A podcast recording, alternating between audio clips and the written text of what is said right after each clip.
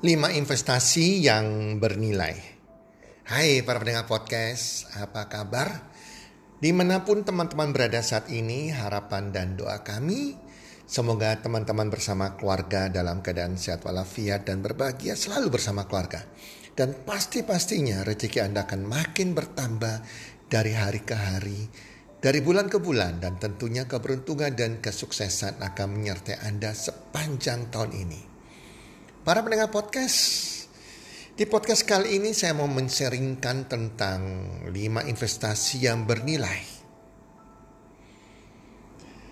Teman-teman semuanya di dalam hidup ini kalau kita mau berhasil tentunya kita harus memiliki investasi. Setiap orang memiliki tujuan investasi yang berbeda-beda. Tetapi kali ini di podcast kali ini saya akan menjabarkan tentang lima investasi yang bernilai yang di mana bernilainya ini bernilai untuk keluarga kita, bernilai untuk diri kita dan bernilai nanti kehidupan kita setelah kematian.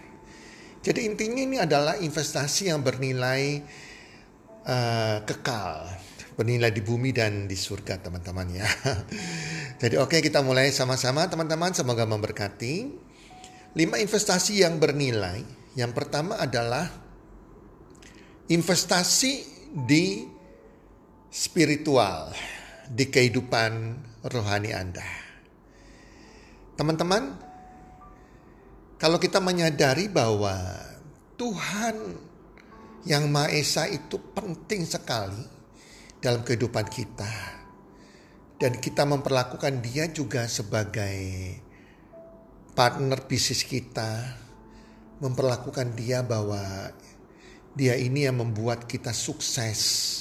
Semua karena Tuhan, semua karena anugerahnya. Maka investasi di bidang spiritual ini itu sangat penting sekali. Karena ini yang paling nomor satu karena kehidupan kita kan bukan di bumi saja, seperti saya pernah katakan di podcast saya yang lalu. Setiap orang akan meninggal dan nantinya kita akan masuk ke kehidupan spiritual, entah itu di surga atau di neraka. Dan di surga pun kita mau juga sukses di bumi dan sukses di surga teman-teman. Jadi investasi di bidang spiritual artinya setiap penghasilan yang Anda terima hari ini, anda harus sisihkan, buka. Entah 2%, 10% di presentasi tertentu harus sisihkan yang utama. Dan yang pertama itu untuk sesuatu yang bernilai di kehidupan akhir kita nanti. Di mana kita sisihkan itu untuk spiritual kita, kita investasi kepada amal, amal perbuatan kita. Di mana untuk kita bisa membantu pekerjaan Tuhan, membantu rumah ibadah, ataupun membantu orang-orang yang kurang beruntung, anak yatim piatu, maupun para janda-janda miskin, para fakir miskin. Nah, ini harus penting sekali teman-teman. Entah berapapun ya, makin Anda makin kaya, Anda bisa buka lebih besar lagi investasinya. Yang penting Anda memberikan dengan sukarela, bukan keterpaksaan. Anda berikan dari kelebihan dana Anda. Ya, bahkan kadang orang tertentu yang luar biasa dalam kekurangannya aja, kekurangan penghasilan saja mereka bisa sisihkan, sisihkan untuk amal. Dan itu akan memberkati kehidupan mereka. Karena Tuhan pasti melihat Apa pun yang Anda berikan dengan hati yang tulus, dengan murni, tanpa motivasi apa-apa. Tuhan tahu itu. Dan Tuhan melihat hati Anda dan dia akan mencurahkan berkatnya kepada Anda. Yang kedua adalah investasi di keluarga. Bagi saya dan bagi orang-orang bijaksana, keluarga adalah sesuatu harta yang gak ternilai sesuatu yang penting. Dan investasi seperti apa di keluarga ini? Ini adalah investasi waktu kita, kebersamaan kita. Investasi kita membuat keluarga kita bahagia, khususnya keluarga inti Anda. Fokus kepada keluarga inti Anda. Kalau hari ini Anda belum berumah tangga misalnya, berarti Anda fokus investasi waktu buat orang tua Anda, kedua orang tua Anda berbahagia. Bahagiakan mereka dengan cara Anda. Kalau Anda sudah berkeluarga, maka investasi di keluarga ini adalah investasi waktu Anda, kebersamaan Anda kepada pasangan Anda, orang yang Anda cintai, ataupun kalau Anda sudah punya anak ya pasangan Anda dan anak-anak Anda. Nikmat, nikmati kebersamaan waktu Anda dengan keluarga Anda, dengan orang-orang Anda cintai. Jangan Anda habiskan waktu Anda dengan berfoya-foya dengan orang-orang di luar dari keluarga inti Anda. Utamakan keluarga inti Anda, orang tua Anda kalau Anda belum menikah. Kalau Anda sudah menikah ya fokus Anda juga kepada pasangan Anda maupun anak-anak Anda. Walaupun uh, Anda sesibuk apa pun, usahakan kalau bisa bisa makan bersama dengan pasangan dan anak-anak Anda. Karena di meja makan itu adalah kebersamaan. Kita bisa komunikasi, Eh, bertukar pikiran, bisa uh, bertanya gimana keadaan hari ini, apa yang dialami hari ini, dan itu ada keintiman di dalam kebersamaan pada waktu kita makan bersama. Khususnya pastinya makan malam hari. Kalau siang hari kadang kita anak kita masih sekolah atau kita juga masih sibuk di pekerjaan kita. Ambil waktu kalau bisa setiap hari. Kemudian juga Ya ambil kalau bisa juga ya Sabtu bulan sekali minimal keluar makan bersama keluarga Anda. Keluar bersama. Walaupun ke kehidupan kita ekonomi kita terbatas, tapi kita sisihkan sekian persen dana kita untuk supaya sebagai dana untuk kita bisa cadangkan untuk keluar makan bersama. Walaupun makan sederhana nggak masalah. Yang penting kebersamaan teman-teman ya. Jadi nikmati hasil usaha Anda yang Anda dapatkan dengan keluarga tercinta Anda.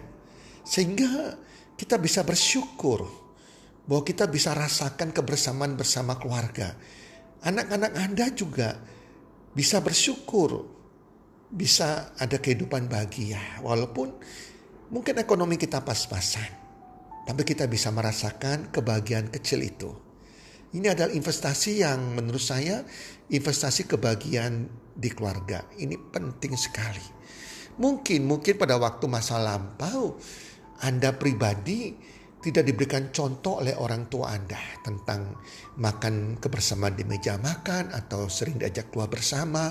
Orang tua Anda mungkin tidak jadi contoh yang baik, mereka mungkin bercerai, mereka mungkin uh, orang tua Anda menikah lagi atau Anda ditelantarkan ya, kurang kasih sayang.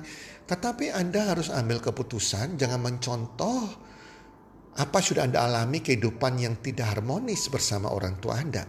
Mulai dari Anda, Anda harus ambil keputusan bahwa nanti kalau saya berkeluarga, saya nggak mau uh, memperlakukan keluarga saya seperti ortu saya. Mulai di tangan saya nantinya di kehidupan saya, saya akan membina kehidupan yang berbahagia bersama pasangan saya dan bersama anak-anak saya. Itu yang kedua. Yang pertama kedua ini yang sangat terpenting teman-teman ya.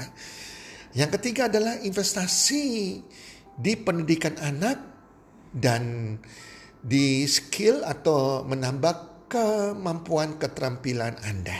Anak Anda maksud saya. Ini penting banget karena anak-anak Anda ini adalah uh, buah hati Anda, harta Anda juga adalah anak-anak titipan Tuhan. Jadi Anda perlu bertanggung jawab terhadap karakter anak Anda, pendidikan masa depan anak Anda. Jadikan mereka orang berhasil. Jadi kalau kita investasi atau memberikan warisan kepada anak-anak kita, yang utama sebetulnya adalah pendidikannya teman-teman. Seberapa tidak mampunya kita, tapi sisihkan penghasilan Anda untuk dana pendidikan, untuk masa depan anak-anak Anda. Kalau dan Anda ada lebih, tambahkan ya tambahan skill, tambahan pendidikan, tambahan yang lain untuk mendukung skillnya tersebut. Memberikan les atau kursus-kursus tertentu misalnya. Jadi banyak orang yang bermimpi ingin punya macam-macam, punya ini, punya itu, kehidupan seperti ini, kehidupan seperti itu. Padahal kalau kita mencari uang, ya, salah satunya adalah untuk juga kita investasi di anak kita. Nah, jadi jangan kita uh, fokus utama kepada kebutuhan kita, tetapi kepada masa depan anak-anak kita. Agar anak kita bisa mencapai mimpi mereka. Anda patut mencari uang. Anda patut karena uh, memperbesar income Anda. Itu penting banget. Karena dalam kehidupan ini semuanya membutuhkan uang. Kalau Anda tidak berpikir menambah kekayaan Anda, menambah penghasilan Anda, maka itu akan kurang bijaksana. Karena pendidikan anak Anda membutuhkan biaya besar. Ya, jadi Anda harus berpikir apakah Anda sudah punya dana pendidikan untuk anak Anda, Anda sudah memberikan namanya skill tambahan dengan les-les tambahan untuk menambah kepintaran mereka. Ini harus ada, ya. Jadi fokusnya bukan kepada pribadi Anda untuk kebutuhan Anda, keinginan Anda secara pribadi, tetapi kepada masa depan anak-anak Anda.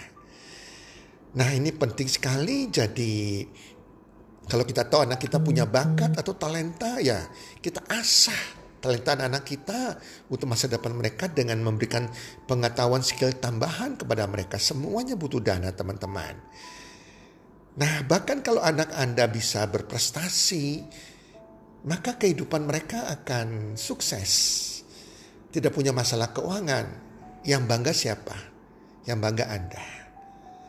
Orang tua dinilai keberhasilan mereka bukan karena harta mereka Walaupun mereka kaya raya tapi anak mereka tidak berpendidikan yang baik, anak mereka menjadi anak yang karakter yang buruk, gagal dalam dalam usahanya segala macam, gagal dalam berperilaku, maka orang tua tersebut gagal walaupun kaya raya. Kesuksesan seorang tua, kesuksesan orang tua ditentukan dari anaknya. Seberapa pandai dia bisa membekali anaknya dengan agamanya yang baik, dengan karakter yang baik, dengan pendidikan yang baik dan kesuksesan tentunya. Kalau anak Anda itu bisa motivasi belajarnya tinggi, mau mencapai gelar tertentu, mau belajar memiliki prestasi tertentu, tentunya walaupun orang tua kehidupan ekonomi terbatas, anak tersebut bisa dapat beasiswa teman-teman pendengar podcast ya. Oke, yang keempat adalah investasi di tempat tinggal Anda, investasi di rumah Anda. Anda butuh rumah sendiri, teman-teman. Walaupun kecil, tapi yang penting nyaman, humi. Anda sudah punya tempat perlindungan sampai di hari tua Anda. Jadi nggak nyampe kontrak terus seumur hidup. Ya, itulah sebabnya Tuhan mau. Tuhan yang Maha Esa mau kita memiliki standar kehidupan yang makin naik ekonomi yang makin naik. Kalau dulu standar hidup kita mungkin hanya kos-kosan, rumah kontrakan, kita harus meningkatkan standar kita dengan punya rumah sendiri. Punya rumah yang kecil-kecil yang kita mampu dulu. Setelah punya rumah kecil-kecilan mungkin naik lagi standarnya dengan rumah yang lebih besar lagi dan seterusnya. Percaya, Tuhan yang Maha Esa itu sanggup melipat gandakan kemampuan Anda, melipat gandakan hasil dan penghasilan Anda. Jadi Anda harus sisihkan investasi kepada rumah Anda, tempat tinggal Anda. Cuma sekali lagi, teman-teman, ya, kalau Anda kata kalau Anda sampai tidak mampu investasi ke nomor empat ini, tidak masalah. Yang penting yang pertama, kedua, sampai investasi ke anak-anak Anda punya masa depan itu yang terpenting sebetulnya. Ya, jadi kalau bersyukur kalau Anda bisa melakukan memiliki investasi yang keempat, memiliki investasi di tempat tinggal di rumah Anda pribadi. Yang kelima adalah investasi di modal atau di karir anak-anak kita. Teman-teman, kita juga harus menyisihkan penghasilan kita untuk sesuatu masa depan anak-anak kita. Begitu mereka lulus kuliah, jelas mungkin mereka membutuhkan modal untuk buka usaha, modal untuk karir mereka. Jadi di sinilah tugas orang tua. Masih belum selesai, kita harus membantu permodalan mereka juga. Itu dimulai dari sekarang kita sebagai orang tua menabung untuk mereka. Sehingga nantinya kalau mereka berumah tangga, sebelum berumah tangga sekalipun mereka lulus, mereka ada modal walaupun kecil-kecilan gak masalah modal untuk mereka bisa kelola menjadi seorang pengusaha. Entah pengusaha UKM atau pengusaha yang lain teman-teman ya. Jadi banyak sekali bisnis yang mereka bisa tekuni. Sehingga anak-anak kita itu walaupun mereka bekerja ikut orang itu hanya mencari pengalaman. Mencari pengalaman sampai mereka usia 30 tahun. Kemudian setelah itu dari pengalaman ini membuat mereka menimba banyak pengetahuan, akhirnya pengalaman hidup, pengalaman berbisnis sehingga akhirnya mereka sudah mantap membuka sebuah bisnis mereka sendiri. Teman-teman ya, jelas sekali ya, ini lima investasi yang bernilai bagi kehidupan setiap manusia. Itu udah urutannya 1, 2, 3, 4, 5. Jangan dibelah balik berdasarkan urutan. Dan yang paling utama, paling utama adalah satu dan dua itu tidak bisa ditawar-tawar. Ini adalah fondasi yang utama yang harus kita lakukan, yang harus kita miliki. Oke para pendengar podcast, demikian podcast saya, sharing saya kali ini. Semoga bermanfaat bagi Anda semuanya, para pendengar podcast, sahabat podcast, sahabat sukses saya. Dan salam sukses, one, two, three.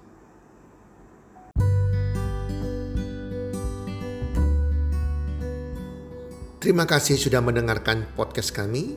Teman, jika Anda rasa bermanfaat podcast kami ini, Anda bisa menginfokan kepada rekan kerja Anda, keluarga Anda, teman ataupun sahabat Anda.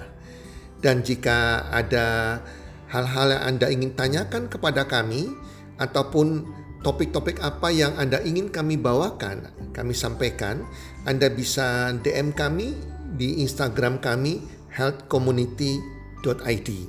Salam one two three, salam sehat, sejahtera dan bahagia.